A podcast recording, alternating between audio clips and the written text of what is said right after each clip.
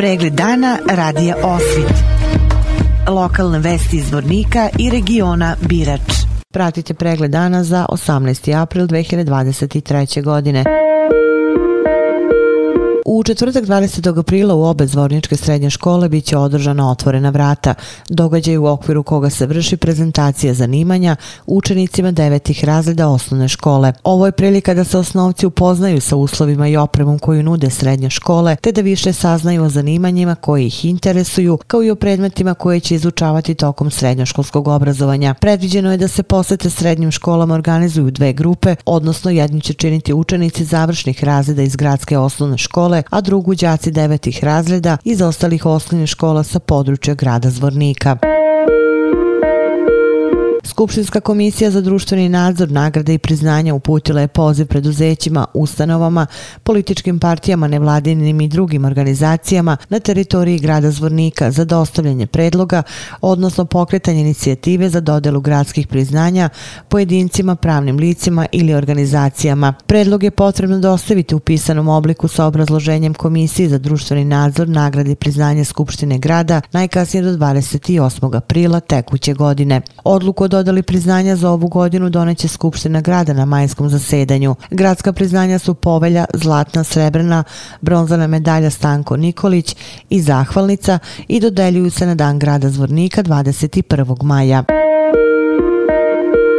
U tužilaštvu Bosne i Hercegovine čitanjem optužnice i iznošenjem uvodne reči počelo je suđenje Radetu Grujiću, optuženom za silovanje u Liplju kod Zvornika, počinjeno u junu 1992. godine. U optužnici se navodi da je Rade Grujić 1992. godine u svojstvu pripadnika čete snagovo teritorijalne odbrane Zvornik prisilio jednu žensku osobu na seksualni odnos. Branilac Radivoj Lazarević je rekao kako odbrana neće iznositi uvodnu reč, kao i da će tokom postupka dokazati da je optužnica neosnovana. Nastavak suđenja je zadakazan za 27. april.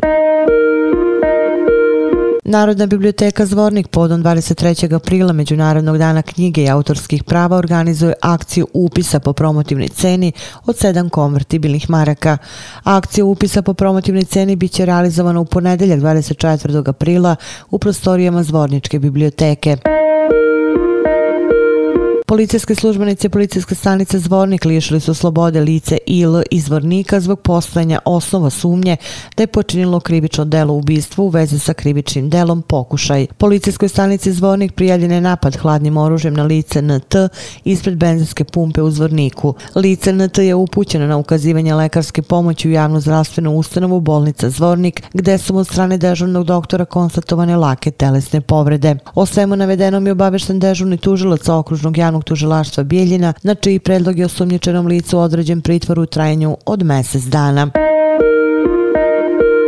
Povodom 15. Međunarodnog sajma poljoprivrede, privrede i turizma Dani Maline 2023. koji će se ove godine održati 9. i 10. juna u Bratuncu, predstavljen je zvanični program. Otvaranje sajma predviđeno je za 9. jun u 11 časova i 30 minuta, a istog dana održat će se i gastro takmičenje Malini u čast s Malinom u slast kao izbor najboljeg malinjaka. Drugog dana sajma u sportskoj dvorani u Bratuncu biće organizovana izložba pasa, maskembal za decu, izbor najbolje uređenog dvorišta i balkona, dodele nagrade nagrada za likovni konkurs kao i izbor najlepšeg štanda. Istog dana biće održani treći po redu Zlatni kotlić Podrinja 2023. godine na rajskoj plaži kod Bratunca.